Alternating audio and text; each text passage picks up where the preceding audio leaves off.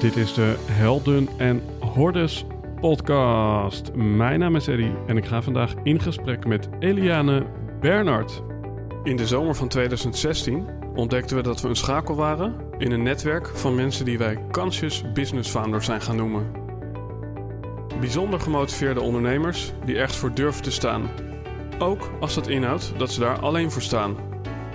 Die 200% toewijding willen geven voor 1% groei en zeggen: Dit ben ik en dit is mijn bijdrage aan een meer gebalanceerde wereld. Helaas kon je niet bij al deze gesprekken aanwezig zijn. Daarom hebben we die bijzondere verhalen voor je samengebracht in deze podcast. We wensen je veel luisterplezier, maar belangrijker nog, we hopen dat jij de volgende stap gaat zetten in jouw avontuur. Alright, ladies and gentlemen. De Helden en Hordes podcast. Heb ik dat al wel eens gezegd? Waarschijnlijk wel. Heb ik ook al wel eens gezegd dat ik met Eliane en Bernard in gesprek ben geweest? Nou, waarschijnlijk nu, voor jou, hoor je dit voor de tweede keer. En dan zou het kunnen dat je afvraagt, wie is nou Eliane en Bernard? Geen idee eigenlijk. Don't you worry. Maar het zou ook kunnen dat je haar wel kent als je haar stem hoort. Zij is namelijk de stem van House of Deep Relax. Een van de grootste meditatie-apps in Nederland met zo'n 50.000 leden. En ze heeft ook wat geleden. Geleden aan haar angststoornis. Iets waar ik mij aan kan relateren. En dat zou ook voelbaar kunnen zijn in dit gesprek. We hebben het over de weg naar buiten. De omweg, zo zou je het kunnen noemen. Naar uiteindelijk rust, bezinning, zingeving, succes en meer levensgeluk. Voor de volledigheid wil ik je haar ook nog officieel introduceren, maar niet voordat ik jou heb gevraagd of jij vijf sterren wil indrukken in de Spotify-app als je luistert via Spotify. Yes, want daardoor worden we nog beter gevonden. En er komen nog een paar echt onwijs toffe namen aan. Dus nu ik dit opneem, Eliane Bernard dus. Maar in de line-up staat ook Mr. Brad. Ehm, hij heet Rob, voor als je dat niet wist. In diezelfde line-up staat ook Dr. Juriaan, Giel Belen, Vera Helleman, Tobias Mol, judokampioen Nederland die voor de tweede keer zal verschijnen. Michel Vos van de Eindbazen podcast. Ik kom trouwens ook bij hem in de podcast. En dan zijn er nog allerlei namen die ik niet eens heb genoemd. Maar ik kan je verklappen, het laatste kwartaal van dit jaar gaan we met vuurwerk in. Zelfs als dat van de overheid niet mag. Je snapt wat ik bedoel. Nou, wie is nou Eliane Bernard? Zij is dus mental health en well-being expert en co-founder van House of Deep Relax. Het grootste Nederlandse platform slash app voor gezonde mental health en well-being. Hiermee deelt ze onder andere dagelijks haar uitgebreide kennis over stress, mental health, bewustzijn, hersenen en ontspanning. Na een studie van meer dan 10 jaar heeft zij het geheim ontdekt van een vrij gezond, ontspannen en tegelijkertijd krachtig leven. Voor een belangrijk deel, dankzij de Deep Relax meditaties, heeft zij zichzelf genezen van een pijnlijke en chronische aandoening waar ze al sinds haar zestiende erg veel last van had. Met meer dan anderhalf miljoen streams op YouTube en Spotify en bijna 50.000 gebruikers van de Deep Relax app, brengt zij maandelijks met haar krachtige tussen haakjes slaapmeditaties duizenden mensen naar de allerdiepste staat van rust en van ontspanning. Ladies and gentlemen, Eliane Bernard. Alright, ladies and gentlemen, terug van weg geweest uh, met een uh, nieuw decor. um, ja, ik krijg wel eens wat vragen hierover. Dat snap ik.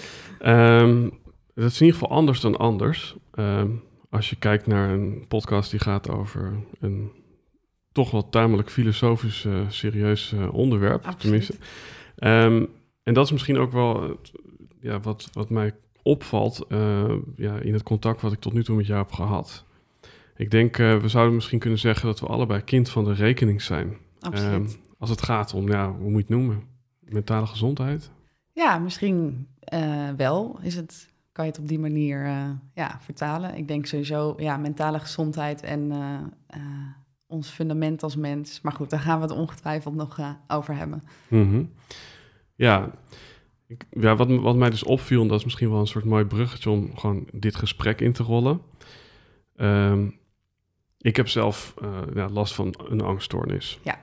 Sommige mensen noemen dat een gegeneraliseerde angststoornis, anderen noemen het hypochondrie. Um, maar goed, en dat bleek gewoon. Ik, ik heb zelf wel eens geformuleerd van ja, een, een angst is eigenlijk pas een probleem als het je dagelijks leven belemmert. Ja.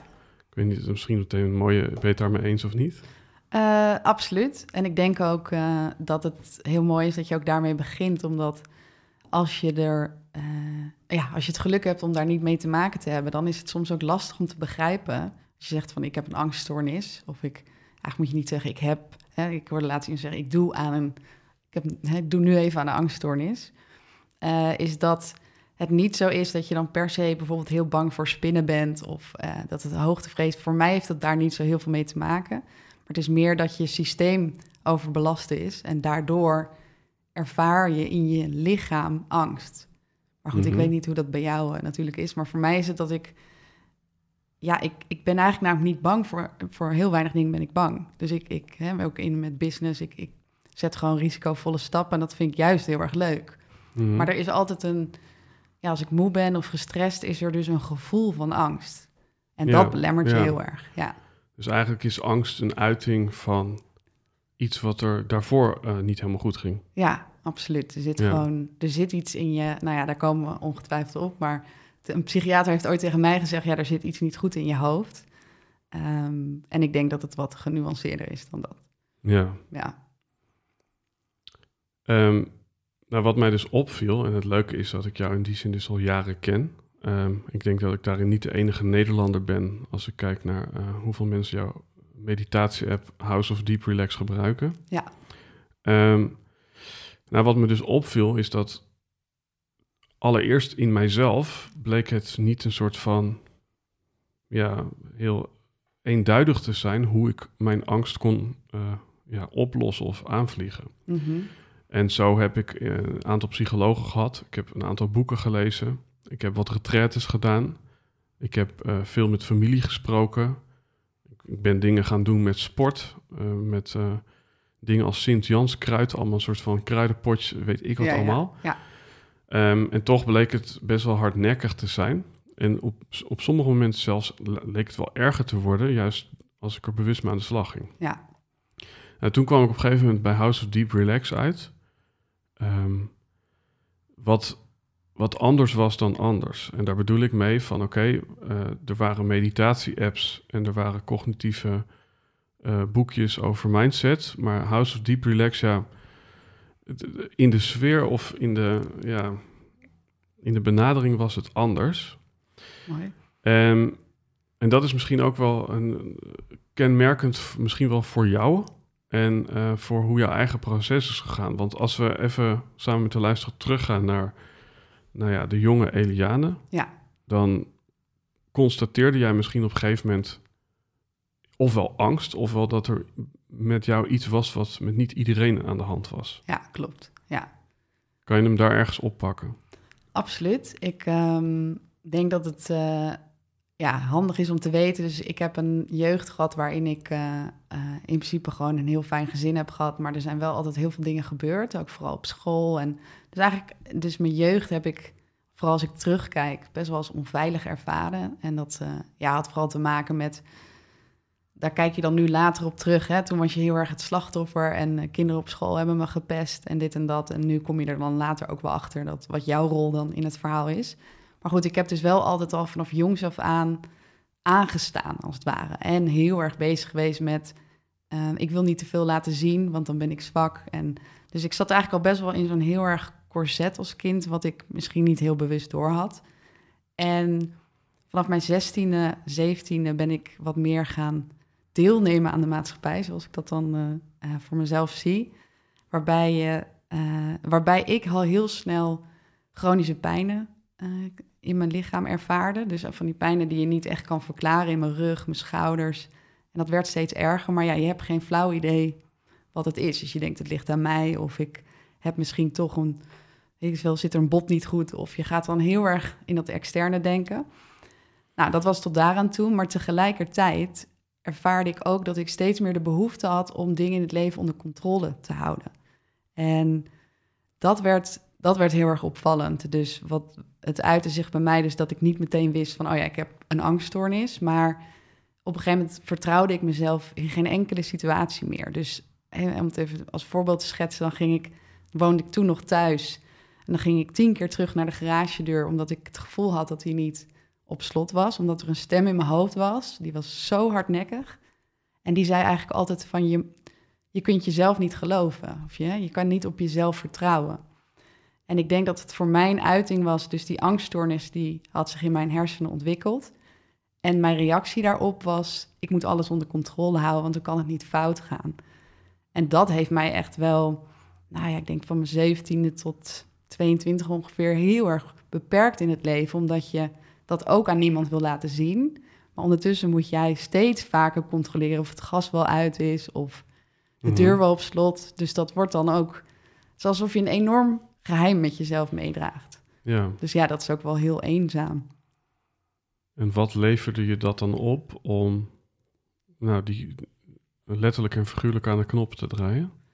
Uh, en je bedoelt... Uh, het gasfornuis, zeg maar, al die dwangneuroses noem ik Ja, wat levert je op? Het enige wat het je oplevert is dat je het gevoel hebt dat je controle hebt over het leven. Uh, maar de grap is juist dat controle is echt iets door mensen bedacht. Want dat, ja, dat hebben we helemaal niet over het en leven. En waarom wilde je dan controle? Ja, dat is uh, een goede vraag. Het is een, ik denk dat het een net, net, een beetje zo'n proces is als wanneer je anorexia ontwikkelt. Het zit allemaal heel erg op dat als ik maar een, iets in mijn leven heb, want ik voel me heel onveilig. En dat was een onbewust proces, maar dat speelde.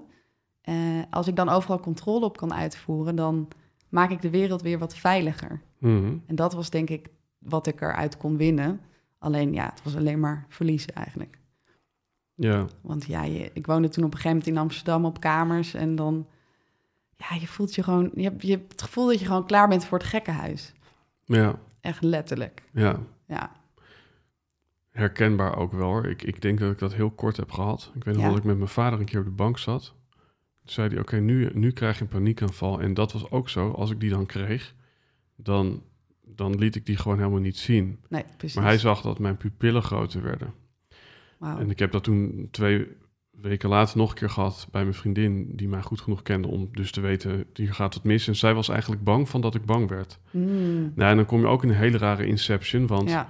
Je bent eigenlijk al bang voor jezelf. En dan merk je dat de wereld schrikt als ze naar jouw gezicht kijken. Dat, dat, dan, nou ja, dat, dat is dan echt een risico om bijna een soort in een psychose terecht te komen. Dat dan alles wordt dan heel erg gaat dan een soort van de werkelijkheid af. Ja, het, het, het, het glipt een beetje uit je handen. Dus ik, ik herken dat van, wow, hoe lang duurt het nog voordat ik uh, weet ik waar beland? Ja, exact. Het is bij mij maar een korte periode geweest trouwens. Um, maar goed, hè, oké, dan, dan, dan, dan eigenlijk, ik hoor al van, oké, ik constateer dat, dat ik uh, een beetje dwangmatig word of dat ik controle wil. Ja. Je hebt nog niet helemaal duidelijk wat nou ja, het etiket is. Misschien wist je niet eens dat je een angststoornis had. Zeker niet. Nee. Dus je hebt een probleem. Um, of je ervaart een probleem of je doet een probleem dus. Ja, ja precies. Je doet een um, probleem. Je doet een probleem. Um, ja, en ben je toen meteen op zoek gegaan naar een oplossing of duurde dat nog heel lang? Uh, ja, dat duurde best wel lang. Kijk, het lastige is ook dat ik uit een gezin kom met een moeder die ook uh, een angststoornis heeft. En die dit soort zaken ook af en toe doet en dan dat niet heel gek vindt. Dus het was niet dat ik ermee. Ik, ik had wel besloten van ik ga dit niet aan mijn ouders vertellen, want die begrijpen dat dan niet. Of die gaan het uh, te niet doen. En het voordeel was dat ik op een gegeven moment dus 21, 22 naar Amsterdam ging. En daarbij een psycholoog. Nou ja, toen dacht ik, ik moet echt naar een psycholoog, want ik word ik woon met vriendinnen op kamers, maar ik moet dit allemaal. Dit is een soort heel groot deel van mezelf wat ik echt in de kast moet stoppen elke dag. En ja, het is natuurlijk super ongezond ook. Dus toen ben ik op een gegeven moment bij een psycholoog terechtgekomen en zij zei: Oh, dit gaat echt mijn petje ver te boven. Dus je moet toch naar de GGZ. En voor mij was dat, kijk, nu denk ik ja, de GGZ uh, is gewoon een mooie instelling. Alleen toen was dat voor mij, omdat je heel, kijk, je hebt nu ook heel veel informatie hè, tot je beschikking. Je hebt Instagram waar mensen het over hebben. Je hebt Facebook, je hebt heel veel boeken. Maar toen ik zo jong was, ehm, had ik in ieder geval het idee dat ik de enige ongeveer op aarde was die eh, ja, gek was. En toen ben ik dus naar de GGZ gegaan en dan kom je eerst in allemaal praatgroepen met mensen die bang zijn voor spinnen. En dus dat, ja, toen dacht ik, wat doe ik hier? Mhm. En toen ben ik daar bij een psychiater terechtgekomen en we hebben heel snel afgebouwd. Dus het was puur net als wanneer je van eh, drugs of wat dan ook moet afkicken, moest ik elke week mocht ik dan minder controleren. En uiteindelijk ben ik er dus heel snel van afgekomen. Alleen het lastige is dat je dan, en dat zie ik natuurlijk nog steeds nu heel vaak, is dat je alleen op dat symptoom dus bezig bent. Dus voor Mhm. hem was het doel, ze moet van die dwangneurose, controle dwangneurose afkomen. Nou, dat ging supergoed. En daarna is het dan klaar. Terwijl er zit, de reden dat je dat doet, is omdat er dus in de diepte iets heel anders aan de hand is. Mhm. En daar wordt dan op zo'n moment niet naar gekeken. Ja. En dat vind ik tot de dag vandaag heel jammer, want dat, natuurlijk ben ik heel blij waar ik sta nu, maar dat had wel verschil kunnen uitmaken. Ja. Ja. Stort de tent in? Ja, ik weet het niet. Klinkt allemaal erg bijzonder. Ja, Of al die knuffels komen zo naar beneden. eh, ja. Ehm, controle. ja, precies. Ik zal mijn handjes een Ehm, beetje zo. nee, nee, volgens mij, volgens mij is het het scherm wat aan het zakken is. Nou goed, en jou. ehm, dat zou wel mooi voor in de aflevering zijn. dat gewoon het doek valt. ja. Ehm, Oké, ja, dus toen had je een, een symptoom opgelost. Maar Ja. goed, het bloed kruipt waar het niet gaan kan. Dus dan kunnen er op andere plekken weer dingen ontstaan. Ja. Ja, dus toen eh, had je een groen vinkje bij... eh, ik check het fornuis niet meer tien keer per dag. Precies, dus die was inderdaad weg. De chronische pijn was wel nog op een, eh, op een hoogtepunt. Dus ondertussen, naast dit verhaal, was ik eigenlijk, ben ik vanaf mijn 17e tot, nou ja, zeg 24 eh, bij echt, denk wel alle artsen die er ongeveer bestaan geweest. In ieder geval alle specialisten. En het mooie is dan ook dat, en daar kunnen zij ook niks aan doen, want ze doen gewoon hun best. Maar dat zij dus allemaal op hun eigen stukje gaan kijken. Eh, Mhm. dus dat is ook weer niet dat holistische. Dus oh ja, ik had pijn in mijn schouder. Dus dan kreeg ik een kijkoperatie, want er zou er misschien iets daar zitten. Ja. En ja, zo ging dat iedere keer, totdat een arts op een gegeven moment, ik denk dat ik 23 was, 24, die zei, ja, jij hebt gewoon eh fibromyalgie. Dat is dan een soort verzamelnaam voor, we weten het niet. Ehm, dus je moet ermee leren leven. En dat was heel erg pijnlijk om te horen, maar dat zit dus niet in mijn karakter. Dus voor mij was het meer, oké, ja, dat is dan wat nu de artsen hebben gezegd. En ehm, ik laat het gewoon even los. Maar ik geloof niet dat dit het einde is. Mhm. Maar Ja. dat ja, dus op een gegeven moment heb je dus een chronische aandoening en over fibromyalgie st- wordt steeds meer bekend.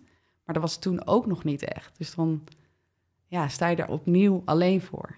ja. Nou, Ja, dus dat lijkt me op zichzelf ook wel een lastig ding. Je zit in een groep en eh, ja, nou ja, kijk, je hoort eerst al nergens bij, want je bent de enige die stiekem het fornuis tien keer per dag checkt.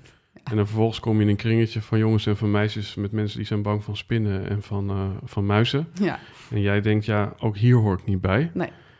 Dus naast de angst is er waarschijnlijk ook een gevoel van eenzaamheid wat overheerst. nou, die periode, ja, ik heb meerdere periodes in mijn leven gehad, maar dat was wel echt. Ik weet wel dat ik dan op de fiets in Amsterdam, dat zit daar bij eh, eh, het VU volgens mij, dat je dan, eh, nou ja, helemaal naar Buitenveldert fietst. En dan zat ik gewoon wel eens huilend op de fiets van, ja, ze kunnen me ook gewoon net zo goed meteen opnemen. Dus Mhm. je hebt echt het gevoel dat er iets heel erg mis met je is. Ja, ja. Ja. En dat is heel eenzaam. En dus ook inderdaad met, met die pijnen, ook daarin is het niet van je hoort hierbij. Nee, je Nee. Hoort, hoort opnieuw nergens bij. Ja. Dus, dus, en ik denk ook dat als je het hebt over een doodsangst, dan is het volgens mij, dat heb ik bij mezelf ervaren, van nergens bij horen is natuurlijk biologisch ook heel Dat bedreigend. is heel bedreigend, ja. En daarom vertel je het ook niet eh, aan de mensen met waar je dus wel bij hoort. Ehm, omdat dat bij ons er van nature in zit. Dus je wil niet... Hè, we moeten wel naar een maatschappij waar we dat allemaal gaan doen. Maar we, ja, we laten liever niet de moeilijke dingen zien. Nee. Dan word je afgewezen. En... Ja, Dus er zit al heel veel angst. En dat is een angst die we eigenlijk bijna allemaal wel in ons hebben. Omdat Mhm. dat zit echt letterlijk gewoon in je oerbrein. Dat je niet wil afgewezen worden. Ha- had je die ervaring ook, dat je werd afgewezen op je, op je itches? Ehm, ik denk dat het dat het eh, het lastig heeft gemaakt dat op een soort hoogtepunt heeft mijn... eh, ik had een, in die periode, dus van mijn 16e tot 22e, een hele fijne relatie. En we zijn nog steeds beste vrienden, gelukkig. Maar die maakte het wel op zo'n hoogtepunt uit. Dus dan... Ongetwijfeld had dat er ook mee te maken. Maar dan, ja, dan is dat wel een bevestiging van... Ik een ga, hoogtepunt of een dieptepunt? ja, een dieptepunt. Ja, Ehm, en dan ga je het heel erg daarop aan ophangen. Terwijl je zelf dan ook weet dat die relatie al lang meer een soort broer- en zus verhaal is geweest. ja, Ehm, maar dat helpt niet mee. Nee. nee. Nee. Ja, en ehm, oké, dus dan hebben we een soort van... Inmiddels heb je dan ervaring met de reguliere geneeswijze. Ja, je, Absoluut. je hebt ook ervaring met eh, de, hè, zowel mentaal als fysiek. Ja. Eh, en beide heeft het niet ja, voldoende geholpen. Ja, eh, dan, dan, dan kan ik me voorstellen dat je of honger hebt en eh, op zoek gaat naar alternatieve oplossingen. Of dat je denkt, hier is mijn middelvinger. Ja. Geef mij maar een, eh, een zak met pillen en ik ga uit mijn dak. ja, precies. Nou ja, dat, dat, dat zat er ook in inderdaad. Ehm, ik zit even te denken wat een beetje de volgorde is. Ja, kijk, je komt dan inderdaad... Het lastige is dat... ehm, hoe moet ik dat zeggen? Ja, de- het feit dat ik dat allemaal heb... heeft natuurlijk ook te maken dat ik... ehm, niet heel erg heb geleerd om heel veel van mezelf te houden. Of hè, om eigenlijk een soort gezond... Daar, ga, daar heb ik het met House Deep ook heel vaak over van... Mijn fundament als mens, en dat geldt dan voor heel veel mensen... is in de jeugd, is in mijn jeugd niet heel veilig opgebouwd. Dus dat is al best wel een soort rommelig, eh, rommelige ruimte, zeg maar. Dus het is niet een hele gezonde fun- fundering... waardoor je ook altijd ongezonde keuzes maakt. Ehm, en dan kom je in Amsterdam terecht, eh, de relaties uit. Je voelt je niet echt heel fantastisch. Maar er zijn ineens allemaal vrienden die, eh, ja, die drugs gebruiken en die lol maken. En ik merkte wel dat dat voor mij heel fijn was als een soort escape. Dus dat op die avonden ben je gewoon, ja, of in de zevende hemel, of eh, in ieder geval heel, ben je even die stem in je hoofd kwijt. Dus voor mij was het wel heel verleidelijk om dat veel te doen.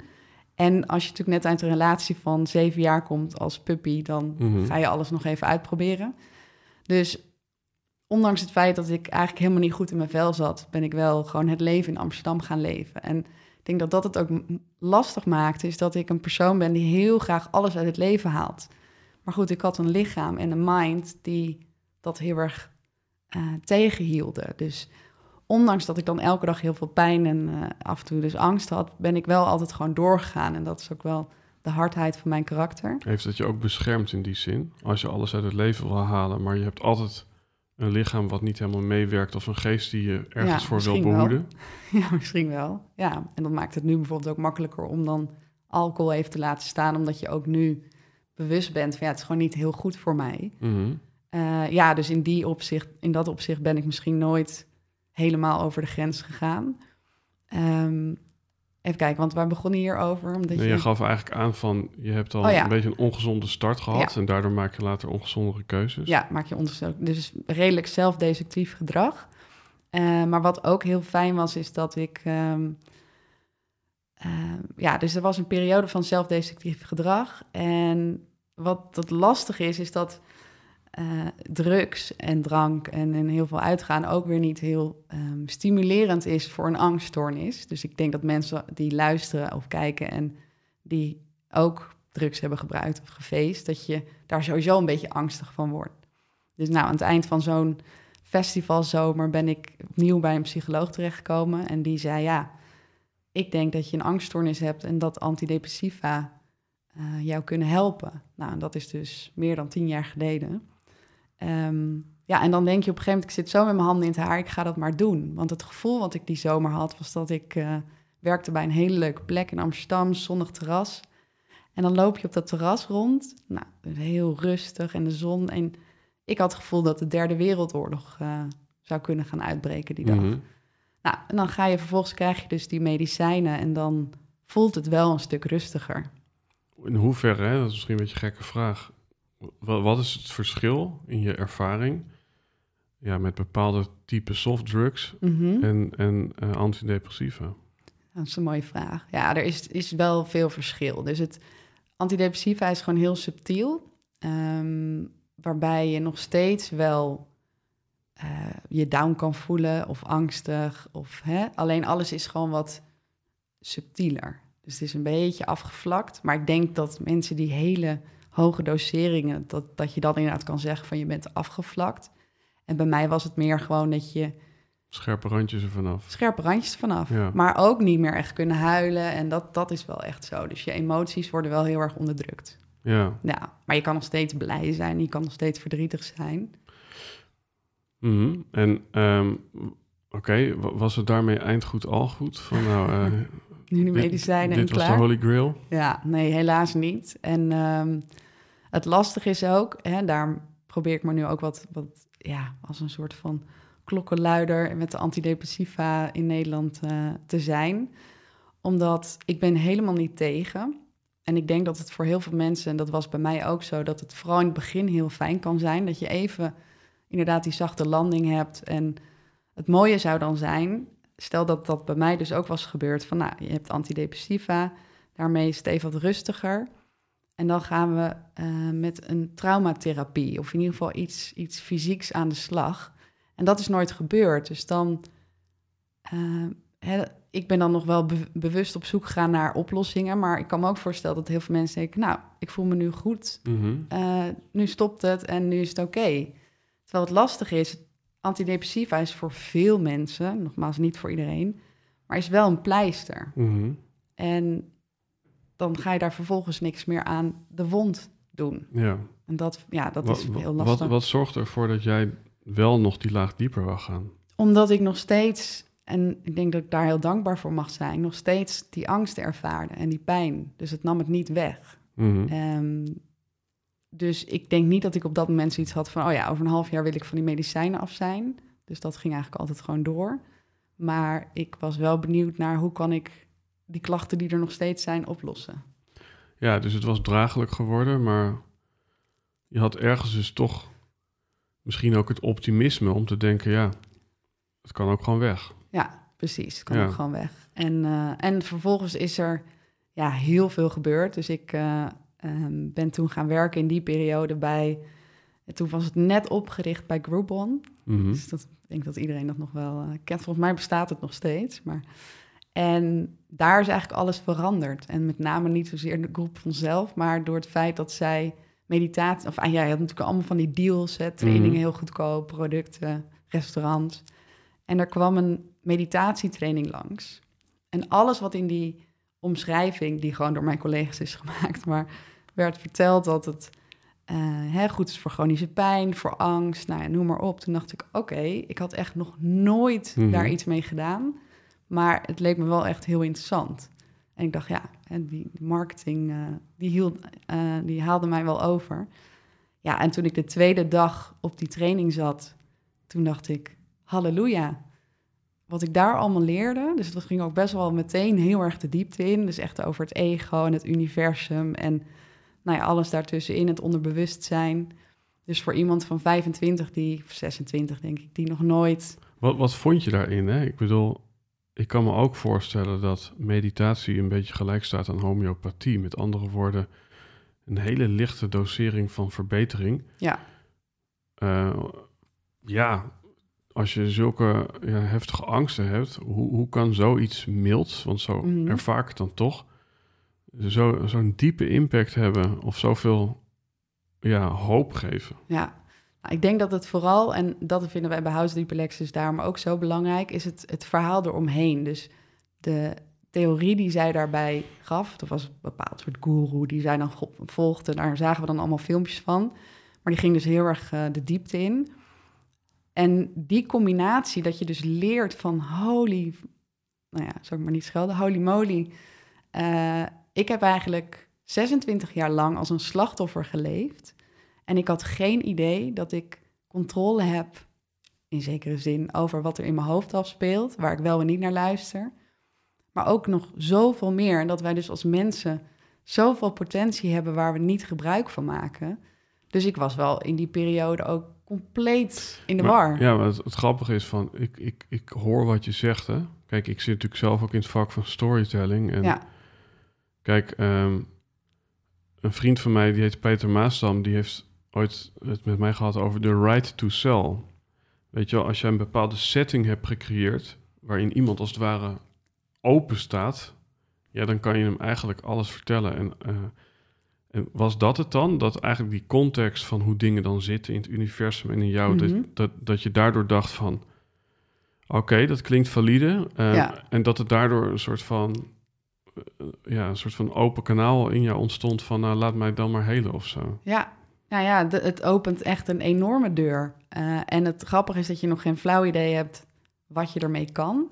Maar wat voor mij heel bijzonder was, was dat ik die tweede dag eigenlijk al op dat kussentje zat. En nogmaals, dus nog nooit iets hiermee had gedaan. En dat ik toen al dacht, deze inzichten en ook Ja. dat die rust die ontstaat als je dus inderdaad aan het mediteren bent.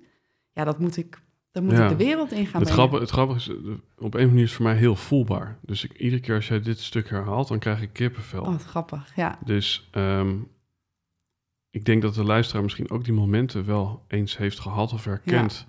Dat je in één keer voelt, nu gebeurt er iets en het verandert mijn hele leven. En Ja. ja, een soort van heel klein uitstapje is dat ik inderdaad een boek van de week in de brievenbus kreeg van David White. Oh ja, Ehm, over eigenlijk een, een ode aan het woord. En nou ja, ik, ik, ik weet niet. Ik werd gewoon emotioneel. ja je zei je moest huilen toen Ja, het las. En, ja. ik, en ik, heb dat, ik heb dat zes jaar geleden ook een keer gehad toen ik Quincy Jones eh, in een documentaire hoorde zeggen: Scrape away everything, so there's nothing left but truth. Mm. En op een of andere manier kwam dat mijn ziel binnen. En wat ik zo bij jou beluister, is dat het dus daar ook gebeurde. Absoluut, ja. En dat, dat is ook een moment wat ik nooit meer zal vergeten. En ik denk ook dat, ondanks dat ik heel veel tegenslagen in mijn leven heb gehad, dat ik heel dankbaar mag zijn dat dat is gebeurd. Want heel veel mensen zijn daar dwangmatig naar op zoek. Mhm. Naar het moment waarop je weet wat je hier komt doen. Ehm, ik ben, bij mij was het er gewoon. Ja. En ik wist het. En dan ga je wel, ben je tien jaar verder voordat je dan Zeg je daarmee ook eigenlijk dat je missie of je life purpose ja, een soort van magneet is die je uit de drek trekt? Nou, het wordt wel wat duidelijker waarom de dingen gebe- gebeuren die zijn gebeurd. En ze Ja. zeggen ook wel eens, hè, die yogis, daar ben ik natuurlijk heel erg, eh, eh, zit ik natuurlijk een beetje in die, in die hoek. En die geloven ook dat je, nou niet alleen de yogis trouwens, heel veel oudere volkeren, dat je je ouders uitkiest. Hè? Je, je kiest eigenlijk het leven uit wat je op dit moment aan het leven bent. En dat is altijd best wel een beetje lastig te begrijpen of te, ja, daar contact mee te maken. Maar dat geeft wel, zeker als je veel lastige dingen hebt meegemaakt, dat helpt wel om Mhm. daarin te geloven. En dat is ook wel wat ik nu heel erg zie gebeuren. Dat ik Ja. denk, ja, ik heb een valse start gehad. Eh, daarna nog een keer terug naar, heel vaak terug naar start. Ehm, maar ja, wat ze ook wel zeggen, maak van je shit een hit. Dat is wel gelukt. En uiteindelijk was dat dus misschien ook wel de bedoeling. Ja. Ja, Nog even één klein stapje terug, dan hengelen we die ook nog even het gesprek in. Want we hebben het nu over inderdaad eh, misschien een stukje genetica, een stukje opvoeding. Ja. Maar er is ook nog zoiets als de knotsgekke wereld waarin we leven. ja, Hè? En, en als je daar een soort van klein, klein uitdraai van geeft van... wat is er wellicht nou zo opmerkelijk aan die wereld? En waarom was dat met name voor mensen zoals jij, waar er ook meer van zijn... ja, hopelijk wel. Ja, wa- waarom, waarom is die wereld zo onhoudbaar? Ehm, Ja. Of, of ja, Ja, zo, nee, la- ik- zo lastig in te leven als je gevoelig bent voor angst of depressie. Ja. ja, het is ook een beetje kip en het ei eh, verhaal. Ehm, ik vind het oneindig fascinerend. Dus ik ben ook een boek daarover aan het schrijven van hoe begint dat met, eh, hè, waar jij mij een beetje mee helpt. Ehm, hoe begint dat inderdaad? Hè? Dus, dus je wordt geboren en je komt in de wereld. En waarom hebben sommige mensen dan een rustige landing en zijn eigenlijk best wel heel erg stabiel in het leven? En die zullen misschien ook niet eens naar dit soort podcasts luisteren, omdat dat niet in hun bewustzijn zit. Hè? Ze hebben niet een trigger gehad om daar iets mee te gaan doen. Ehm, en anderen juist weer wel. En ik denk ook dat ik, dat heb ik natuurlijk echt al heel jong ervaren. En ik ben er dus daarom al twintig jaar mee bezig. Is dat wij heel graag, eh, we hebben een wereld met elkaar gecreëerd die ongelooflijk snel gaat. Hè? Dus dat is aan de ene kant heel mooi. Dus veel technologische ontwikkelingen en uitvindingen en internet. En, ehm, maar het lastige is dat we daar evolutionair gezien kan eigenlijk bijna niemand dat bijhouden. Dus er zijn mensen die inderdaad dan nou ja, misschien heel stevig fundament hebben en het heel lang kunnen volhouden. Maar de, als je kijkt naar hoe lang wij als mensen, hebben, we hebben er een paar miljoen jaar over gedaan om te zijn waar we nu zijn qua hersenen en nou ja, wat we allemaal kunnen. Maar de technologie die gaat nu zo snel dat wij van onszelf verwachten dat we dat allemaal kunnen bijhouden. Want dat, is de, ja, dat zijn de eisen van de maatschappij. En we moeten allemaal in een bepaald hokje passen die dat dus ook kunnen bijhouden. Maar eigenlijk, feitelijk gezien, kan dat niet eens. Mhm. Ehm, dus wat ik heel erg heb gemerkt, is dat ik altijd het gevoel had van er is iets mis met mij. En ik moet op zoek naar manieren om iedereen bij te kunnen houden. Zodat ik ook normaal ben en door kan. En ik denk dat, dat we daar heel erg met elkaar mee bezig zijn. Hè? Van hoe kunnen we, eh, als ik een, weet ik veel, als ik mijn knieën, een knieblessure heb of als ik migraine heb, wat kan ik eraan doen om dat op te lossen en weer door te kunnen? En ik denk Mhm. dat dat voor veel mensen hopelijk herkenbaar is, al is het dan wel vervelend. En ik denk dat daar, ehm, dat daar dingen in mogen gaan veranderen. Ja, dus, dus, dus de vraag, hè, als ik hem even vertaal, is die we dan misschien onbewust stellen. eh, hoe kan ik mezelf weer oplappen Ja. om mee te gaan in de red race? Dan dat de vraag is, hoe kunnen we die red race doorbreken, Ja. ehm, eh, zodat die weer past bij mijn blauwdruk? Precies. En dat is wel een, een mooie anekdote. Ik ben nu, eh, ik woon dus veel in, eh, voornamelijk in Spanje. En ehm, daar ben ik dan ook bij een huisarts. En ik had de laatste tijd last van mijn maag. En ik weet dat het erger wordt als ik gestrest ben.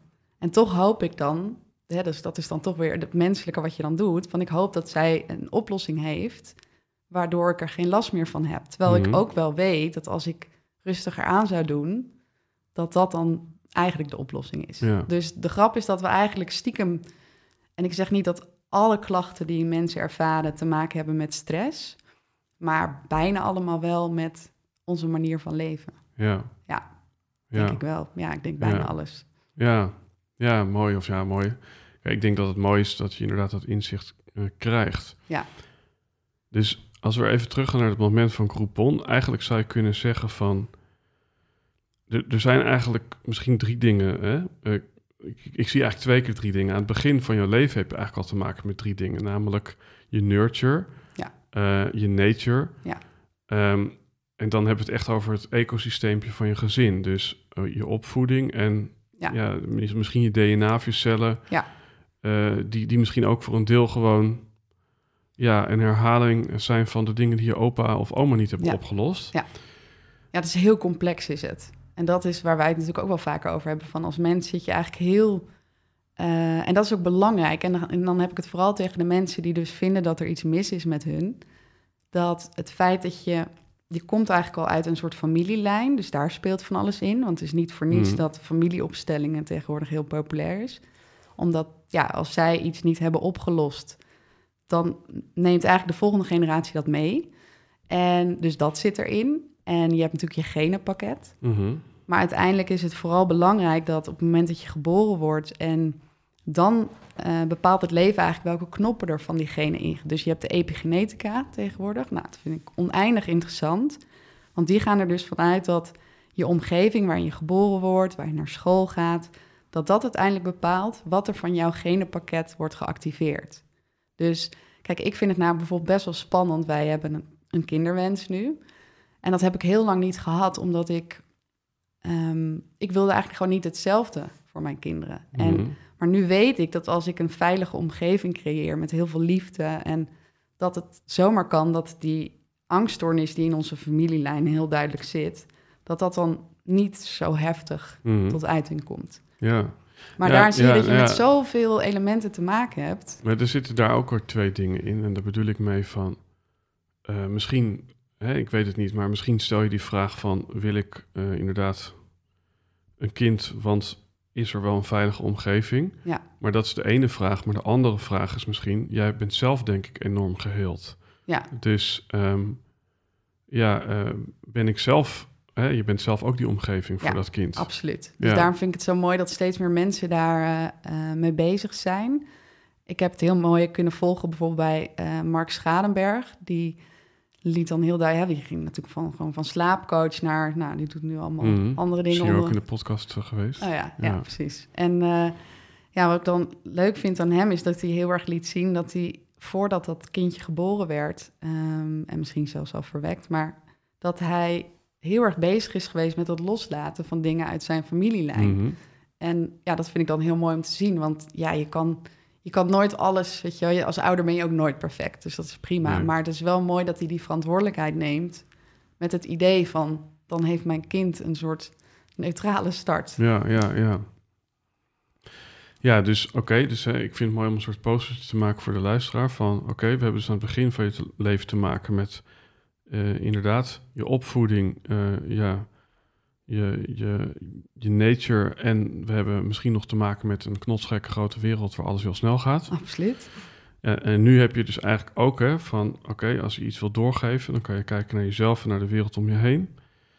Ehm, nog een aantal dingen die, die je naast elkaar kunt leggen. Ik maak er een soort kwartetjes van. En nog één kwartetje waar ik met je over wil eh, praten is, ja, bij Groupon, ja, daar gebeurde iets.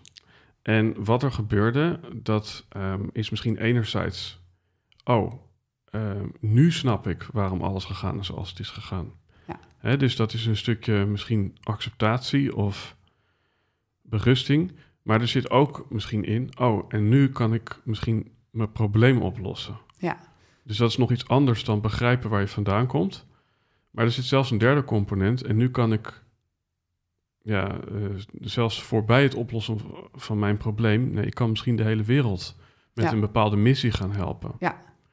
En daar hebben we het nog over dat laatste stuk hebben we het nog niet zo erg gehad. Dus ehm, nou, misschien als ik deze drie zo naast elkaar zet, van ik snap mijn verleden, ik kan Mhm. mijn eigen probleem oplossen Ja. en ik kan de toekomst van andere mensen verbeteren. Ja. Ja, wat was het meest dominante wat er op dat moment Goeie vraag. er- ervaren werd bij jou? Mm, ik denk dat het eh, nog te vroeg was dat ik het inderdaad... Misschien legde ik wel wat meer linkjes met het verleden. Maar was ik nog niet zo ver om die... Hè, dat ben ik eigenlijk nu pas de laatste jaren... kan ik die hele puzzel leggen.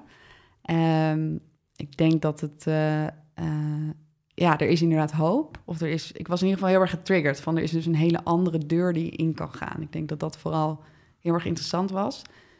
Maar inderdaad vooral het gevoel dat je weet wat jouw missie hier is. En vervolgens ben ik dus ook, nou ja, meer dan tien jaar lang eh, ben ik daar ook fulltime mee bezig geweest. Dus het, het mooie is ook dat je, omdat je het dus eigenlijk voor jezelf en voor de wereld aan het doen bent voor je gevoel, eh, geeft dat heel veel hoop en is er eindelijk dan weer een soort doel om te leven. Want voor mij was het eigenlijk vooral overleven. Mhm. En dat is ook nog echt wel jaren zo doorgegaan hoor. Maar er is een, er is een deur open gegaan.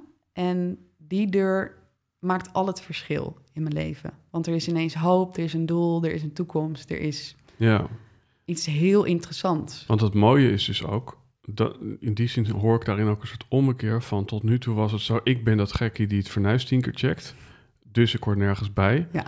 Bij mij werkt GGZ niet of bij mij eh, eh, werkt eh, een kijkoperatie niet. Nee. Ehm, maar nu is het ineens, je, je, je hoort er niet alleen weer bij, want je kan namelijk iets betekenen voor de groep. Ja. Sterker nog, nee, je bent fucking belangrijk geworden. Ja. Dus, dus je bent ook ineens niet meer eenzaam, klopt dat? Ja, niet meer eenzaam, maar ook wel weer, hè, want alles gaat natuurlijk in fases. Ik had, leefde natuurlijk wel midden in Amsterdam met allemaal vrienden die ook hè, elk weekend uitgaan en zo. En dan ben je wel ineens een soort spirituele vlinder die allemaal boeken lezen waar zij zoiets hebben van, wat gebeurt hier? Maar het mooie is wel dat, van, dat zij ook vanaf dag één zoiets hadden van, ja, dit gaat zij doen en dit wordt waarschijnlijk nog groots ook. En, maar inderdaad, je, hebt een, eh, je creëert een eigen wereld voor jezelf. En ik denk dat mensen dat misschien ook wel herkennen, is dat eigenlijk elk zelfhulpboek wat ik vanaf toen las, want ineens, ik had bijvoorbeeld al heel lang de kracht van het nu in de kast staan. Ik heb dat toen daarvoor, voor die meditatietraining ooit opengeslagen. Dat ik dacht, Gaat het Waar over? gaat Ja, dit over? ja. En de grap is dat je dus na zo'n training, als je dan een paar maanden verder bent, dat je bewustzijn dus al compleet is veranderd. Want dat hele boek was voor mij als thuiskomen. Ja, bizar. Dan zie je nou wel, er is echt een andere manier van leven. Want dat is ook het lastige. Mensen uh, bestempelen het dan vaak als of labelen het als spiritueel. En, maar voor mij is het gewoon de waarheid, de werkelijkheid en, en het normale leven. En alles wat we nu aan het doen zijn, is abnormaal. Mhm. En dat is volgens mij ook, dat vond ik ook leuk dat uh, Natja van Os dat in haar boek, uh, want zo zie ik dat ook. Dat eigenlijk alles wat we nu aan het doen zijn, is abnormaal in het leven. Of heel veel dingen. Zoals acht uur achter een scherm, uh, altijd maar aanstaan, social media. Maar dat zijn we als normaal gaan bestempelen, wat heel veel mensen niet bij kunnen houden. En we vinden het abnormaal om de hele dag in de natuur te zijn en om voor elkaar te zorgen Mhm. en niet met deadlines bezig te zijn en nou ja, noem maar op en goed te slapen en, en Ja. dus ja, dat, ik denk ook niet dat we ooit nog zeg maar, ik denk niet als ik heel realistisch ben dat we dat ooit echt meer gaan omdraaien, maar daarom ben ik heel blij dat steeds meer mensen ook dit bewustzijn krijgen. Ja, want dat is natuurlijk inderdaad het punt. Ehm is eigenlijk een beetje ironie bijna. Van je zegt, ik denk niet dat we dit gaan eh, omdraaien. Maar in jouw eigen leven Ja. is, is natuurlijk het hele punt van jouw verhaal. ehm, ja, ik was de verkeerde problemen aan het oplossen. Exact. En op een gegeven moment kwam ik via die Groupon meditatie in contact met het werkelijke probleem. Ja. En dan zou Einstein zeggen, eh, als je het probleem weet, is de oplossing het probleem niet. Ja, en hij zegt ook dat, ja, hij heeft heel veel wijze dingen, maar ook dat hij zegt ook altijd toch van je kan het probleem niet oplossen eh, op de plek waar het gecreëerd is. Mhm. En dat is wat er natuurlijk daarvoor al die tijd gebeurde. Ja, maar het grappige is, hè, ik, ik noem het grappig, maar oké, dus, dus jij hebt op een gegeven moment gezien wat het werkelijk probleem was en ging dat oplossen. Ehm, maar maatschappelijk gezien ben je misschien ook realistisch en zeg je, ja, daar kunnen we ook het werkelijke probleem oplossen, maar dat zie ik niet zo snel gebeuren. Ja, je bedoelt in het reguliere. Ja, je zegt eigenlijk die hele wereld die gewoon abnormaal is. Ja. Ja, ik zie niet gebeuren dat we dat probleem gaan oplossen. Nee, nou kijk, ik, daar probeer ik dan ook een beetje realistisch in zijn. Kijk, ik denk als iedereen eh, de House die Blacks meditaties gaan doen en trainingen en heel veel andere mooie partijen die er zijn. eh, ik zie zeg maar daar de oplossing in, omdat zodra mensen veranderen, dat was bij mij ook, op het moment dat je dus heel erg met dit soort dingen bezig gaat, dan ga je anders naar jezelf kijken. En je gaat automatisch ook anders naar de wereld kijken. Van hé, hey, wauw, we moeten eigenlijk Mm. gewoon heel goed zorgen voor deze wereld. Ik moet voor mezelf goed zorgen, voor de wereld. Je ziet een beetje door die illusies heen. Van ja, al dat materialistische is dat dan waar Mhm. we dan, hè, want dat zeg ik ook altijd, hoe dubbel is het dat we ons helemaal, nou ja, bij wijze van doodwerken voor heel veel mooie spullen, Mhm. waar we uiteindelijk ook weer niet gelukkig van worden. Dus het is echt een beetje een soort mindfuck. Ja. En ik geloof zelf dat de oplossing dus erin zit om via de mensen dat bewustzijn te creëren. Ja, en eh, dan ben ik benieuwd, hè, van... We zaten net even naar TikTok te kijken en dan zeg jij van... Ja, mijn, eh, mijn vriend die kan dat nog wel, maar ik, eh, ik krijg al een burn-out als ik er naar kijk. Ja. Heb je het idee, hè, dus als je dat binnenwerk gaat doen, onder andere met House of Deep Relax... dat je dan ehm, bestendig of ja, weerbaar kunt worden... en misschien ook bewuster kunt worden... Ja. om bijvoorbeeld niet deel te nemen aan een TikTok? Of, Ja. is, of, hè, of, of is het zo gruwelijk sterk dat je er eigenlijk gewoon ja, aan ten prooi gaat vallen op een dag. Dus, dus, dus de, de Aan het verleiding. bewustzijn. Nou, of nee, dat ik op aan- TikTok ga. Ja, dus dat je uiteindelijk toch soort van dat Ja. algoritme wat op jouw reptiele brein is ingezoomd. Ja, ja.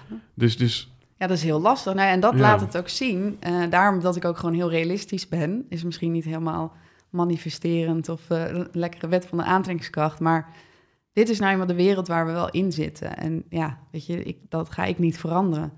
Ehm, dus da- dat maakt het ook heel erg lastig om sterk in je schoenen te blijven staan. Want precies wat jij zegt, ehm, alles trekt je gewoon weer zo erin. mhm. Dus je zou bewijzen van eigenlijk ja, een soort van op al je handen moeten tatoeëren en overal reminders. Want omdat je al zo lang zo leeft en zo is je Ja. fundament ook opgebouwd. Dus voor mij is bijvoorbeeld nu de uitdaging om het fundament wat als kind al is opgebouwd, om daar nu verandering in aan te brengen. Mhm. En dat kost gewoon heel veel tijd. ja, want ik ergens, ik zit zelf ook in een soort quantum leap met een mooi woord als het gaat om bewustzijn. Dus Ja. ik merk, ik registreer dingen de laatste tijd gewoon veel bewuster. Dus Ja. ik weet, oh, ik heb drie keer kippenvel gehad tijdens het gesprek. Dan denk ja, het is natuurlijk geen wedstrijd, maar het gaat er meer om, blijkbaar, ja, word ik mij dus nu bewust van wat beweegt mij? En dan kom ik zelf ook in een volgende stap met, met mijn purpose. Ehm, Ja. Dus aan enerzijds geloof ik echt dat die bewustzijnsverhoging ja, eh, je gedrag gaat aanpassen. Net, zolang, net zoals dat je bijvoorbeeld als je bewust wordt dat Sinterklaas niet bestaat, ja, dan ga je ook niet meer eh, bang op 4 december eh, niet kunnen slapen. Precies. Ehm, dus bewustzijn doet wel iets. Maar ik vind zelf gewoon wel een spannende hoor. Ik vind wel een spannende van. Ja, ik heb bijvoorbeeld nu zo'n focusbox waar ik mijn telefoon in stop. Die niet open kan Mm, voor, ja, ja, met zo'n timer. Oh, echt? Ehm, omdat ik gewoon weet, anders dan pak ik dat ding toch. Same. Dus, dus dat is wel gewoon dat je denkt van, hmm, ben je er? Maar goed, dan is het bewustzijn misschien, ik moet een focusbox kopen. Exact. Ja. En daarom zijn, hoeven we ook niet te streng voor onszelf te zijn. Net, net als dat ik nog steeds... eh, en misschien dat, dat ik dat zo ook nog een beetje kan uitleggen hoe dat zit. Maar eh, eh, natuurlijk de hele dag door nog steeds op drukke dagen of vermoeide dagen heel erg getriggerd wordt. Ehm, uit mijn slof schiet. Maar dan wel een minuut later... Oh, jeetje. Weet je, heb ik, was ik toch weer getriggerd. En dan kan ik ook tegen Mark zeggen, mijn vriend, van... Ja, dit is dit, eh, sorry. Weet je, ik was gewoon Mhm. even getriggerd, want la la la. Dus ik denk ook dat... Ja, daarin zit ook weer dat mensen-eigen. Van, ik, eh, ik, ik zag een paar stukjes uit het interview met Noeska, Mhm. eh, die hier ook is geweest, van dat zij ook vertelde van ja, er komen de mensen bij mij en die willen dan dat alles beter is. En ik denk juist dat we als mens zijn we dus al helemaal goed zoals we zijn. Hè, dat is het laatste boek van eh, Thijs eh Launsbach, van zijn, we zijn al genoeg. Dat zeggen Mhm. wij ook heel vaak. Ehm, en dat zijn we ook. En het lastige is, hoe ik het altijd uitleg, is dat we als kind dus worden geboren in een maatschappij die wil dat we presteren. Dat is ook de manier om te overleven. Waardoor eigenlijk alleen die mind getraind wordt. Dus je wordt meteen geleerd van je moet beter zijn, je moet concurreren, je moet goed zijn. Je moet ergens in ieder geval goed in zijn. Terwijl we dus als mens uit zoveel meer dan die mind bestaan. En ik denk dat bijvoorbeeld helen ook niet is van ik ga iets aan mezelf verbeteren, maar ik ga juist weer mezelf helemaal accepteren en alles meenemen. Het is ook wel mooi dat als je inderdaad het woord hele en dan helemaal. Ja, Het is eigenlijk gewoon ja, je, jezelf weer helemaal eh, ervaren. Ja. wat er ook is. het, het blijft lastig uit te leggen zonder hele, hele spirituele eh, beelden, zeg maar, te creëren. Maar het, Mag best trouwens in deze ja, podcast. precies. Dat kan, kan alle kanten op. Hè? Nee, maar ik, ik ehm, als we bijvoorbeeld naar mij kijken, dat er heel lang mocht dat donkere gedeelte van mij niet zichtbaar zijn voor de wereld. Nou, Mhm. en daar ging eigenlijk dan alle energie naartoe. En je ziet dat ook bij iedereen. Hè? Dus er wordt wel eens gezegd, we besteden 90% van onze energie aan het onder controle houden van onze buitenwereld, zodat we van binnen niet te veel ellende ervaren. Mhm. Ehm, dus daar gaat er 90% van je energie naar op. Terwijl als jij dus het oké vindt hoe je bent en alle delen van jezelf accepteert en heel veel oude overtuigingen zou loslaten, ja, dan, dan, heb je, dan is het al genoeg. Ja, en, en ik denk ook dat, dat dat heel vermoeiend is. Ik geloof dat Paul Smit een keer zei: What you resist, persist. Weet je wel? Dus, dus, dus je houdt het ook nog vast door, door, ja, ja, door, door het juist te willen voorkomen bijna. Ja. Ehm, Dat, en dat vind ik dus heel interessant. Dus als je, als je het daarover hebt, dus ik, eh, wij lezen allebei het boek van eh, Michael A. Singer. Mhm. En die, die legt het eigenlijk, ja, en dat boek heb ik eigenlijk pas een Welk boek is dat voor de luisteraar? Ja, dus ja, hij heeft meerdere boeken. Ik zou sowieso gewoon met boek 1 beginnen. Hij heeft er drie. En zijn laatste boek laat gewoon heel duidelijk zien wat er dus fout gaat eh, in onze opvoeding en, en ook hoe we verder leven. Is dat precies wat jij zei. Dus we, we alles wat er in, omdat we dus niet alles van onszelf mogen laten zien. Hè, we moeten in een hokje passen. Dat is de opdracht, figuurlijk. En alles wat daar niet bij past, dat, dat mag, niet, eh, mag niet gevoeld worden, mag niet doorleefd worden, mag niet laten zien. En zo bouwen we dus dan heel, ja, heel gek fundament op. Dus ik zie het ook letterlijk als hè, in je onderbewustzijn zitten al die herinneringen, overtuigingen en heftige momenten die niet doorleefd zijn. Ook rondom je hart, met je emoties. En daarom is het bij ons van binnen eigenlijk altijd chaos. Want we hebben heel veel overtuigingen, we hebben heel veel emoties. En hij zegt heel mooi van, eigenlijk is jouw systeem de hele dag bezig om dat te willen loslaten. Dus daarom schieten we vaak met onze emoties alle kanten op. Hè? Dan ben je depressief, dan weer angstig, dan weer dit, dan weer zus. En ben je ook de hele dag door in het klein en het groot getriggerd. Omdat het zit er allemaal nog. En alles wat in je leven gebeurt, dat raakt iets ouds Mhm. aan. Dus ook al, hè, dus dit gesprek met jou, misschien dat jij zoiets zegt wat kennelijk een herinnering bij mij is, Mhm. dan kan er zomaar iets afgaan waardoor ik me ineens heel ongemakkelijk voel. Dus wat gaan we dan doen? Dat willen we niet. Het zit er wel, maar we willen het niet voelen. Dus gaan we alles in het leven zo creëren dat het niet te veel geraakt wordt. Mhm. En daar gaat 90% van onze energie aan op. Dus dat is eigenlijk gestoord. Want hij zegt dus ook heel mooi: je hebt twee keuzes in het leven. Of je gaat voor altijd alles aan de buitenkant zo inrichten dat al het oude niet te veel geraakt wordt. Of je gaat juist de binnenkant heel erg fijn maken, zodat je van buiten dat het niet zoveel uitmaakt wat er in het leven gebeurt. Ja. Omdat je dus gewoon stabiel bent en niet te veel ja, voorkeuren, overtuigingen. Dus je kan het leven wat meer accepteren zoals het komt. Mhm. En ja, dat vind ik heel fascinerend. Want dan is het precies wat wij net zeiden: van ja, moet, moet de wereld veranderen? Of zijn er ook andere opties? ja, mooi. En ik denk dat is een mooie optie. Nou ja, en ehm, in die zin heb jij die, die ja, interne verandering voor een heel groot deel gemaakt. Ja. Ehm, te meer eigenlijk omdat je in alle uiterlijke of externe oplossingen tegen de lamp liep. Zeker. Ehm, misschien is het voor de volledigheid van de tijdlijnen en natuurlijk jouw hele verhaal staat in het boek. Ja. eh, waar we gisteren een eerste opzetje van naar de uitgeverij hebben gestuurd. Bijvoorbeeld. Eh, maar wat gebeurde er na Groupon? Hè? Dus daar ging ergens het licht aan. Ja. Daarna gaf je aan, kwam je toch een beetje in je oude leefstijl, waarin je misschien nog een feestje te veel meepakte. Ja, zeker. Ehm, en toch ja, was dat misschien dat moment dat je zag dat Sinterklaas niet bestond. Ja. Eh, en kon je eigenlijk niet meer anders dan een bepaald pad bewandelen. Ja. En dat heeft je natuurlijk nu, eh, ik wou bijna zeggen, hier in de podcast gebracht. Maar dat is alsof dat dan het eindstation dat is was. wel heel leuk.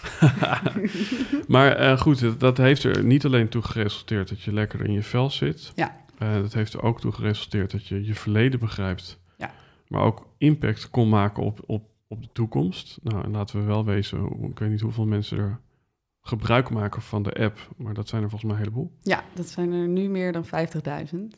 Ja. Ja. Ja, bizar. Ja, heel bizar. En ja, wat, wat hebben daar nog voor misschien belangrijke piketpaaltjes eh, onderdeel van uitgemaakt?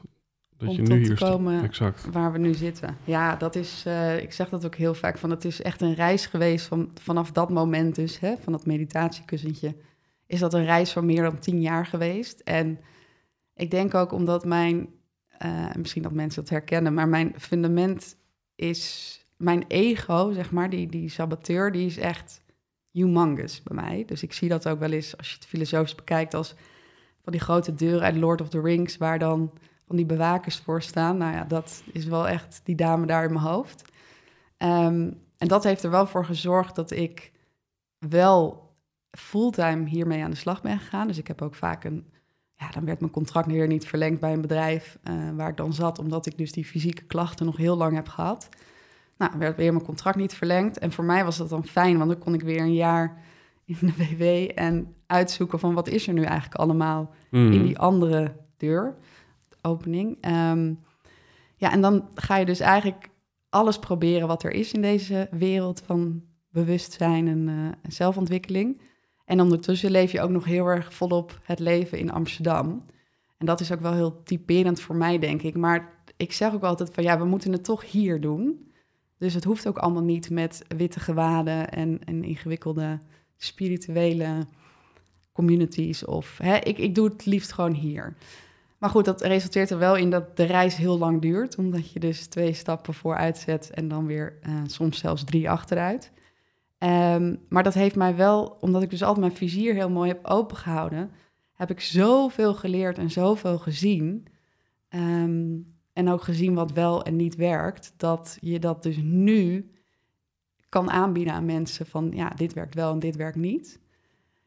En in de tussentijd, ja, is er echt superveel gebeurd. Ik ben ook twee keer gaan afbouwen van antidepressiva, want in totaal heb ik het dus dan al meer dan tien jaar gebruikt. En ja, dat zijn ook altijd hele bijzondere periodes geweest. Want dat zijn voor de mensen die antidepressiva slikken, die begrijpen dat misschien. Het is zo zwaar om daarvan af te bouwen. Dat is eigenlijk een mission impossible. Uh, Hoe komt dat dan? Nou ja, in mijn geval het is heel lastig. Kijk, er zijn heel weinig onderzoeken nog naar gedaan. Dus de, de Nederlandse universiteiten zijn nu eigenlijk pas, uh, volgens mij sinds dit jaar of vorig jaar, zijn ze daar echt structureel mee begonnen. Om te kijken van waarom is het nou zo lastig om af te bouwen. Dus het, het lastige is dat het dus wereldwijd, nou ja, in sommige landen zelfs volgens mij bij, uh, bij wijze van bij de kruidenier te halen is. Maar dat we niet zo goed weten hoe we daar heel makkelijk van af weer kunnen komen. Mhm. En dus ja, hoe komt dat? Dat vind ik heel lastig. Ik denk in mijn geval is het ook zo dat je lichaam er gewend aan is. Dus je, je maakt onder andere dus serotonine, of tenminste je hebt het gevoel dat er serotonine wordt aangemaakt. In mijn geval was het dan voor angst en andere voor eh, als je je depressief voelt. Maar je maakt het niet echt aan. Um, dus als je dan stopt, dan, dan voel je dat ook heel erg. Dat je eigenlijk, je hebt gewoon geen buffers. Dus in mijn geval kwam alles dan in één keer heel hard terug. En, um, ja, en dat is dan niet leefbaar. Dus het is ook nog eens echt super zijn dat, zijn dat dan lichamelijke sensaties of rare gedachten? Uh, beide. Ja. Dus je, eigenlijk Want- komt die angststoornis gewoon weer gewoon full aan. Mhm. Uh, dus je hebt de hele dag spanning in je lichaam en, en die angst, dus je slaapt slecht. En, Maar heb je dan het gevoel dat dat, dat, dat, dat rare gevoel bijvoorbeeld in je buik... Ja. Dat dat dan geen uitweg weet en dus komt er een verhaaltje waar dat maar aan Ja. gekoppeld wordt? Ja. Of is het, er is een verhaaltje en daarna slaat het in in je buik? Meestal andersom. In ieder geval de laatste keer heb ik dat wel echt zo ervaren. Dat ik dacht, er is niks aan de hand, het is allemaal oké. En ik had een mooi vangnet. Maar die onrust was er... Dus je moet je voorstellen dat ik gewoon de hele dag de behoefte had... om met mijn hoofd tegen de muur aan te slaan. Omdat dat zenuwachtige gevoel in je lichaam gewoon... het is gewoon onhandelbaar. Je kan, je, je Mhm. kan het niet volhouden. Dus ja, dan op een gegeven moment ben je dan een jaar verder... en dan moet je dus de keuze maken... ja, ga ik hier mee door Mhm. of ga ik terug? En dat is wat er dus heel vaak gebeurt. En, en wat, en, ja, dat zal dus voor iedereen anders zijn. Ja. Maar, maar wat, wat helpt dan om toch ergens die rust te vinden? Ja, dat is eh, een hele goede vraag. En ik denk dat, ehm, Want ik, want ik, ik stel deze vraag eigenlijk gewoon een beetje vanuit mezelf. Want ja, jouw verhaal herinnert mij dus ook aan momenten dat ik echt knijterbang was. Ja. Ik zit toevallig afgelopen twee dagen weer een beetje in iets. Ik heb mijn tele- telefoon aange- uitgeleend aan iemand op straat. Dat was niet zo handig, want er werden misschien, eh, nou, ik weet niet wat ermee gedaan werd, maar... ehm, ja, en dan kan, voor je het weet heb je weer een heel verhaal te pakken. Ja. En, maar als ik nu terugkijk van, ik heb dus periodes gehad en dat vergeet je ook bijna. Het is net zoals dat je kunt vergeten hoe ziek je je hebt gevoeld toen je Mhm. zo ziek was. Ja. En toch, ja, nou oké, ik, ik ben er dan eh, afkloppen toch weer uitgekomen. mhm. Maar, maar ja, hoe, wat heeft er voor jou gewerkt? ja. Want dat zit er misschien ook voor een deel in je, in je trainingen. Kijk, wat ik de laatste tijd dus steeds uitleg, en dat is wat ik zelf ook heb gedaan, eh, meerdere elementen. Ik ben eigenlijk die eh, reis van tien jaar heb ik vooral, hè, daar hebben we het natuurlijk in het boek ook over gehad, van, ben, heb ik vooral met mijn hoofd afgelegd. Dus en dan bedoel ik dus die periode dat ik wist, er is een andere deur en ik ga het nu allemaal ontdekken.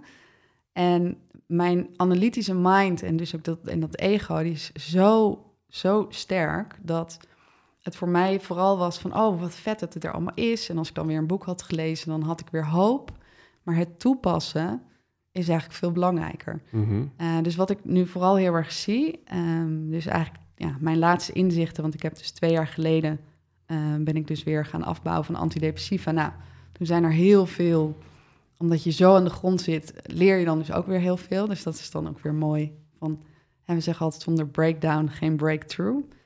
Ehm, maar is dat wat we eigenlijk, waar ik dus achter ben gekomen, is we hebben dus dat fundament wat we als kind hebben opgebouwd en waar al die door de manier van leven die we nu aannemen, zit daar dus, nou ja, je kan het bijna als een soort bouwwerk van binnen zien van onderdrukte emoties, ehm, die overtuigingen. En de yogis noemen dat samskara's.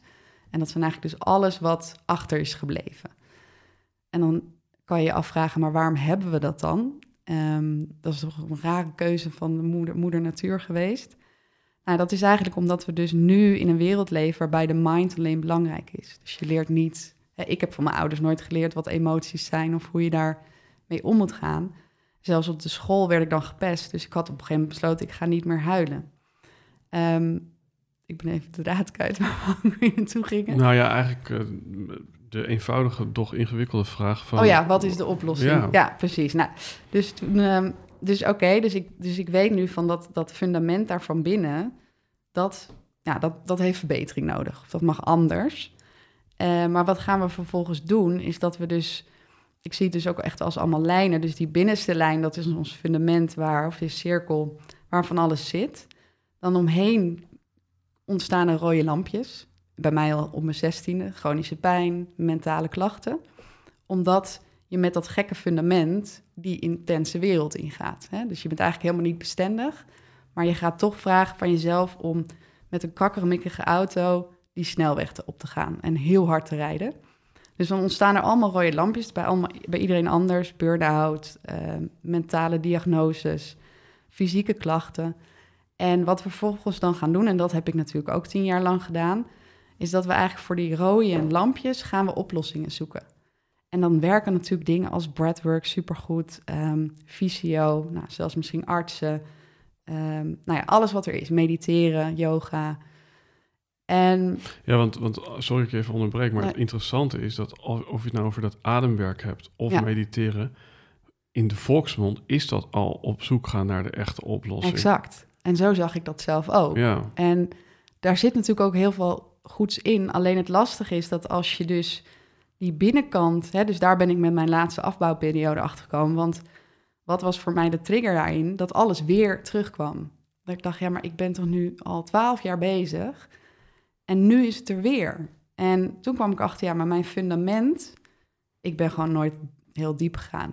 Ik bedoel, het feit alleen al voelen van je gevoelens, dat deed ik eigenlijk niet. Dus ik was gewoon altijd bezig met, ik ga gewoon heel veel ademen en dan kan ik heel veel schreeuwen en dan komt er heel veel los. Of ik ga drie keer per dag yoga nidra doen en dan ga ik mezelf genezen.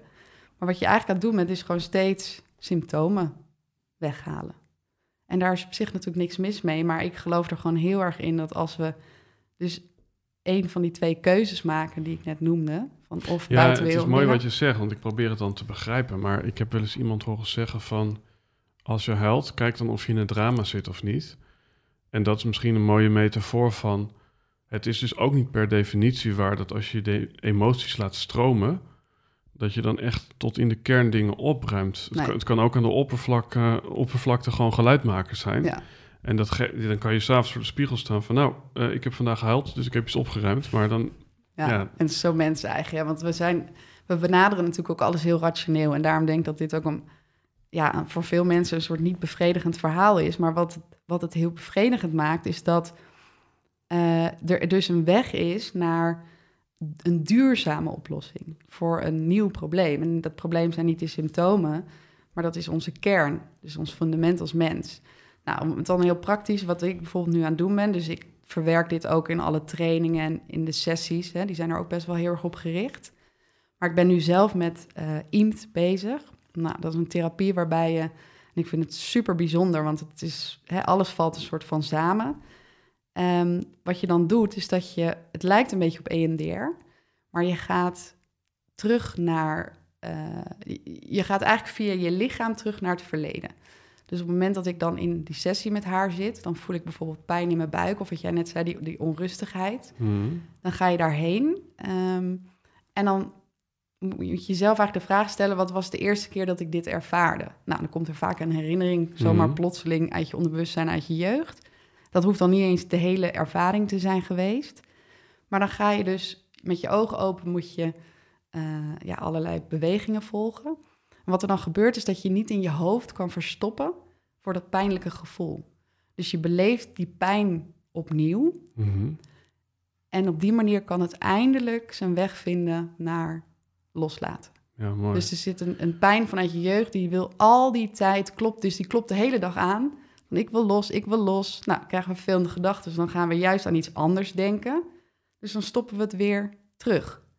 Mhm. Dus je bent constant die, die, dat aan het voeden eigenlijk, die, die chaos van binnen. En op het moment dat je dus in zo'n sessie daar naar terug gaat, je huilt even, je laat het los, dan heb je dus dat stuk ja, wat, wat maakt dat we dan heel vaak het toch niet loslaten? Dus we sturen het bij wijze van spreken van ons buik naar ons hoofd. Ja, nou, omdat we gewoon in ons hoofd kunnen we... We hebben onszelf aangeleerd om daar te vluchten. Eh, dus het, ja, je leert al vanaf kinds af aan, hè, van bijvoorbeeld als een kind valt en die huilt niet, dan word je beloond van, hé, hey, eh, wat goed dat je niet huilt. Of niet huilen, want Mhm. jongetjes huilen niet. Terwijl huilen is onze enige manier als mens om op te schonen. En Ja. Om, ja, om het los te laten. Ja. Ik kwam net als een soort van, een soort van quote in mijn hoofd van... eh, als je echt diep in de shit zit, dan eh, moet je ook op een dieper niveau problemen oplossen. Ja, Dus ehm, dat is een beetje wat ik, wat ik hierin beluister. Voor het laatste stuk, hè, van, ik denk dat we heel veel elementen uit je verhaal hebben aangeraakt. Dus eigenlijk oplossingen voor verkeerde problemen. ehm, Ja. ja, de context, dus de maatschappij, eh, jij, je DNA. Ehm, ik noem het maar wolven in schaapskleren. Dus eh, oké, ik heb geademd, dus ik heb er nu iets aan gedaan. Maar misschien kan de wanhoop alleen nog maar meer toeslaan, want je voelt je nog steeds kloten. Ja. En eh, als zelfs adem niet werkt, help. Dan ben ik nog gestoorder dan ik al dacht. Ja. Hè, dus, dus ik denk dat er heel veel van dat soort dingen in, eh, in terugkomen. Wat ik, wat ik als een soort mooie filosofische vraag richting het einde ook wel aan je zou willen stellen is... Nou, gewoon eerst even een soort van een beetje praktisch open vraag. Misschien heb je die informatie ook. Wat, wat maakt voor mensen dat de House of Deep Relax app met daarin ja, meditaties, maar ook een soort van visualisaties.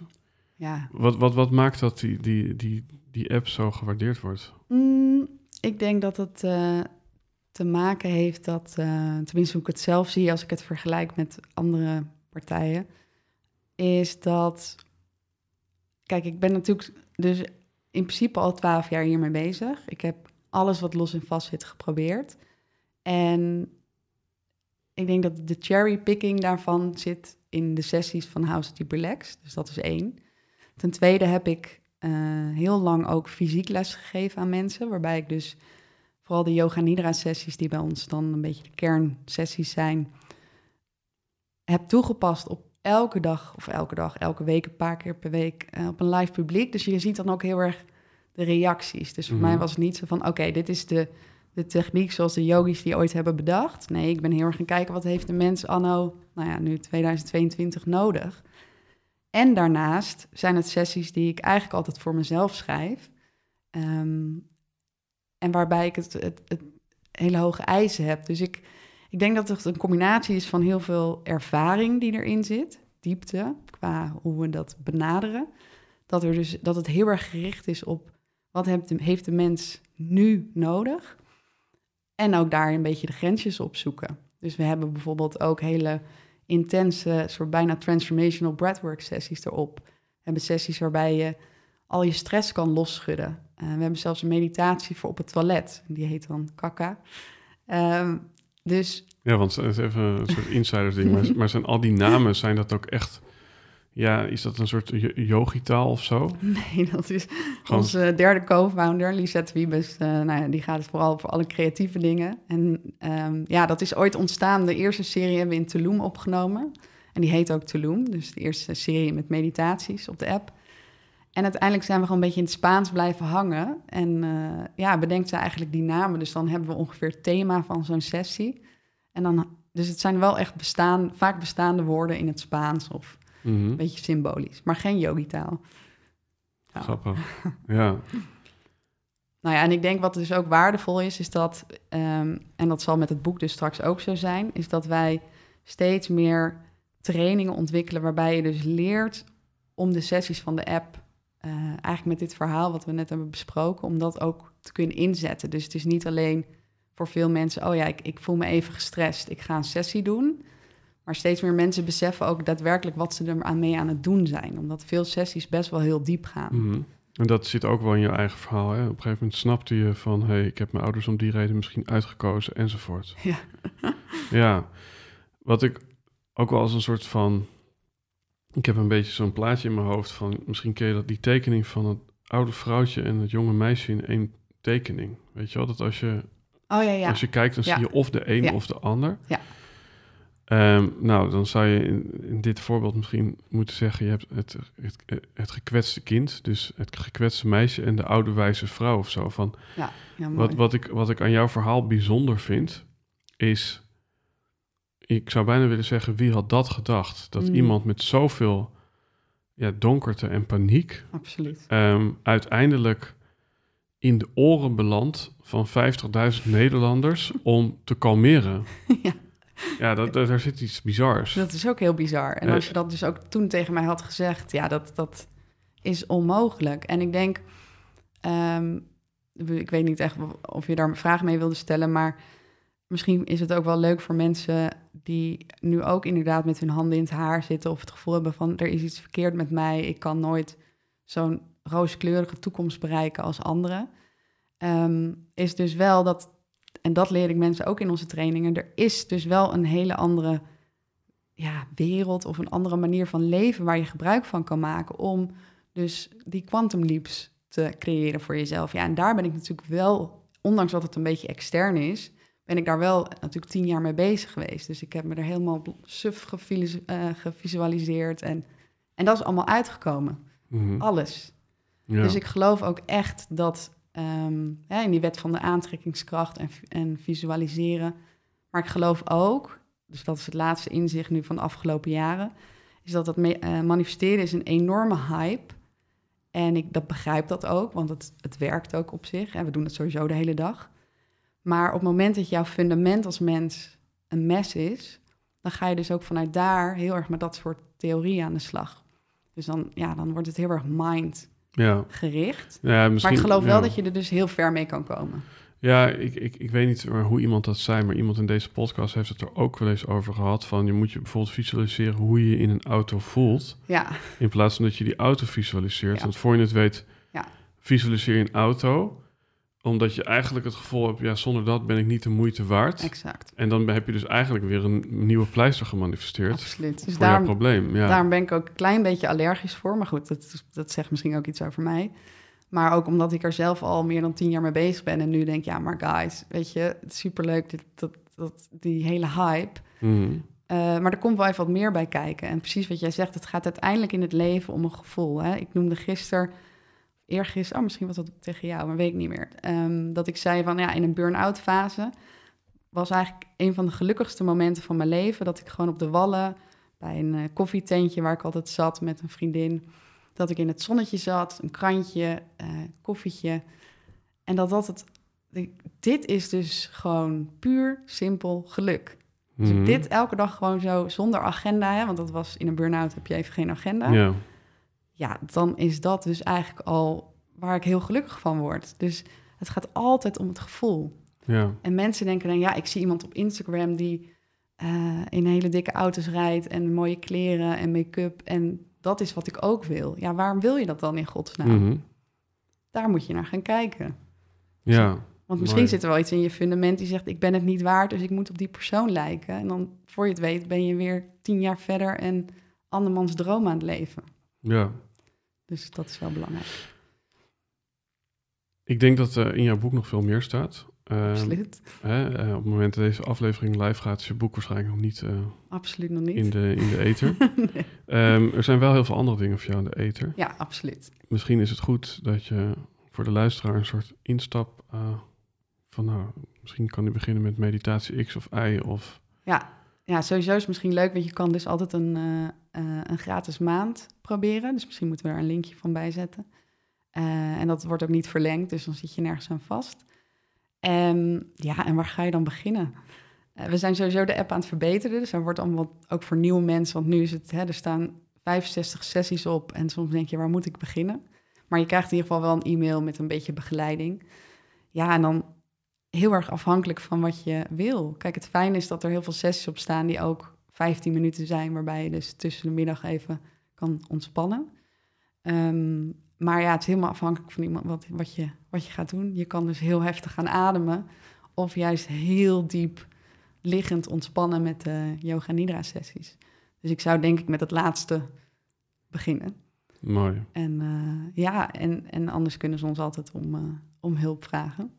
Ja. En we hebben dus ook ja, veel trainingen. En dat is vooral om je ja, om eigenlijk het verhaal wat we, waar we het nu een uur over hebben gehad, om dat ook te begrijpen. En dan zet je de sessies op een hele andere manier in.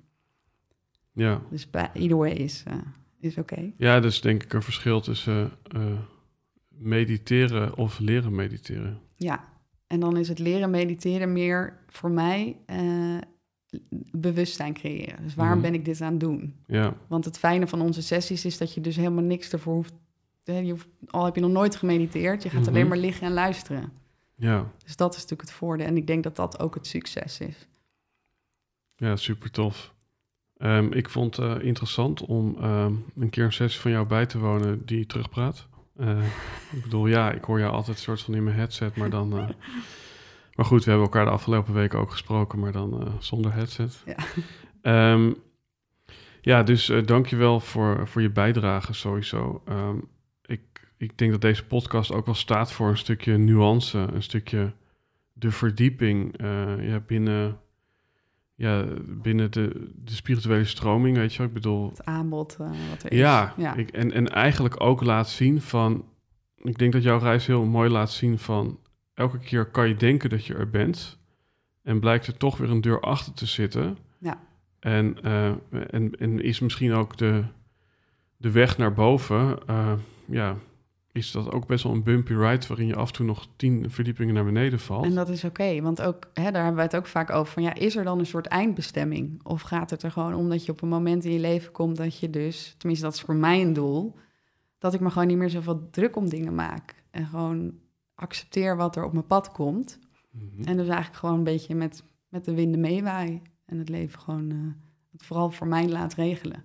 Want ik denk dat we dat als mensen ook... Uh, volledig verleerd zijn. Hè? Dus dat het leven soms ook nog wel eens wat voor je kan doen... in plaats ja. van zelf uh, alles afdwingen.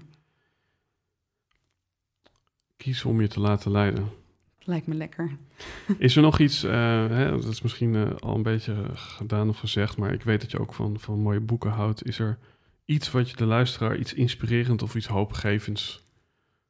misschien een citaat of, of, of, of een stukje tekst van... hey, ja, dit, dit moet toch wel inspireren of hoop geven aan mensen die ook al op heel veel plekken gezocht hebben. Ja, nou, ik, dan zou ik, je, zou ik de mensen willen adviseren om uh, de boeken van Michael A. Singer te gaan lezen. Omdat dat zijn eigenlijk de boeken die ik dus, nou ja, nu aan het einde, of nee, deze reis is nog lang niet afgelopen, maar die ik in ieder geval recentelijk uh, omarm. Ja, en daar laat hij heel duidelijk zien dat op het moment dat je dus je binnenkant opruimt, want dat is natuurlijk best wel spannend en uh, nou ja, daar moet je best wel ballen voor hebben om daar tijd voor vrij te maken. Maar dat je daar zoveel voor terugkrijgt, dat dat eigenlijk hetgene waar wij al die tijd naar op zoek zijn, dat gebeurt dan. Want ja, alles kan ja. weer doorstromen, je hebt minder triggers, het leven wordt gewoon een feestje dan. Ja, en, en het magische is ook, hè, dat is misschien ook een stukje observatie of Paul Smit zou zeggen selectieve perceptie. Dus je denkt ook dat alles in gewoon synchroniciteit is op een gegeven moment. Ja. Maar wat ik het mooie vind is inderdaad van, je ziet inderdaad dat het bijna onvoorstelbaar is. Hij zit op een gegeven moment soort van in het bos in zijn eentje. En dan ineens, dan komt daar een, een post-envelop uh, en daar zit dan geld in. Van, ja. En weet niet eens van wie. Nee.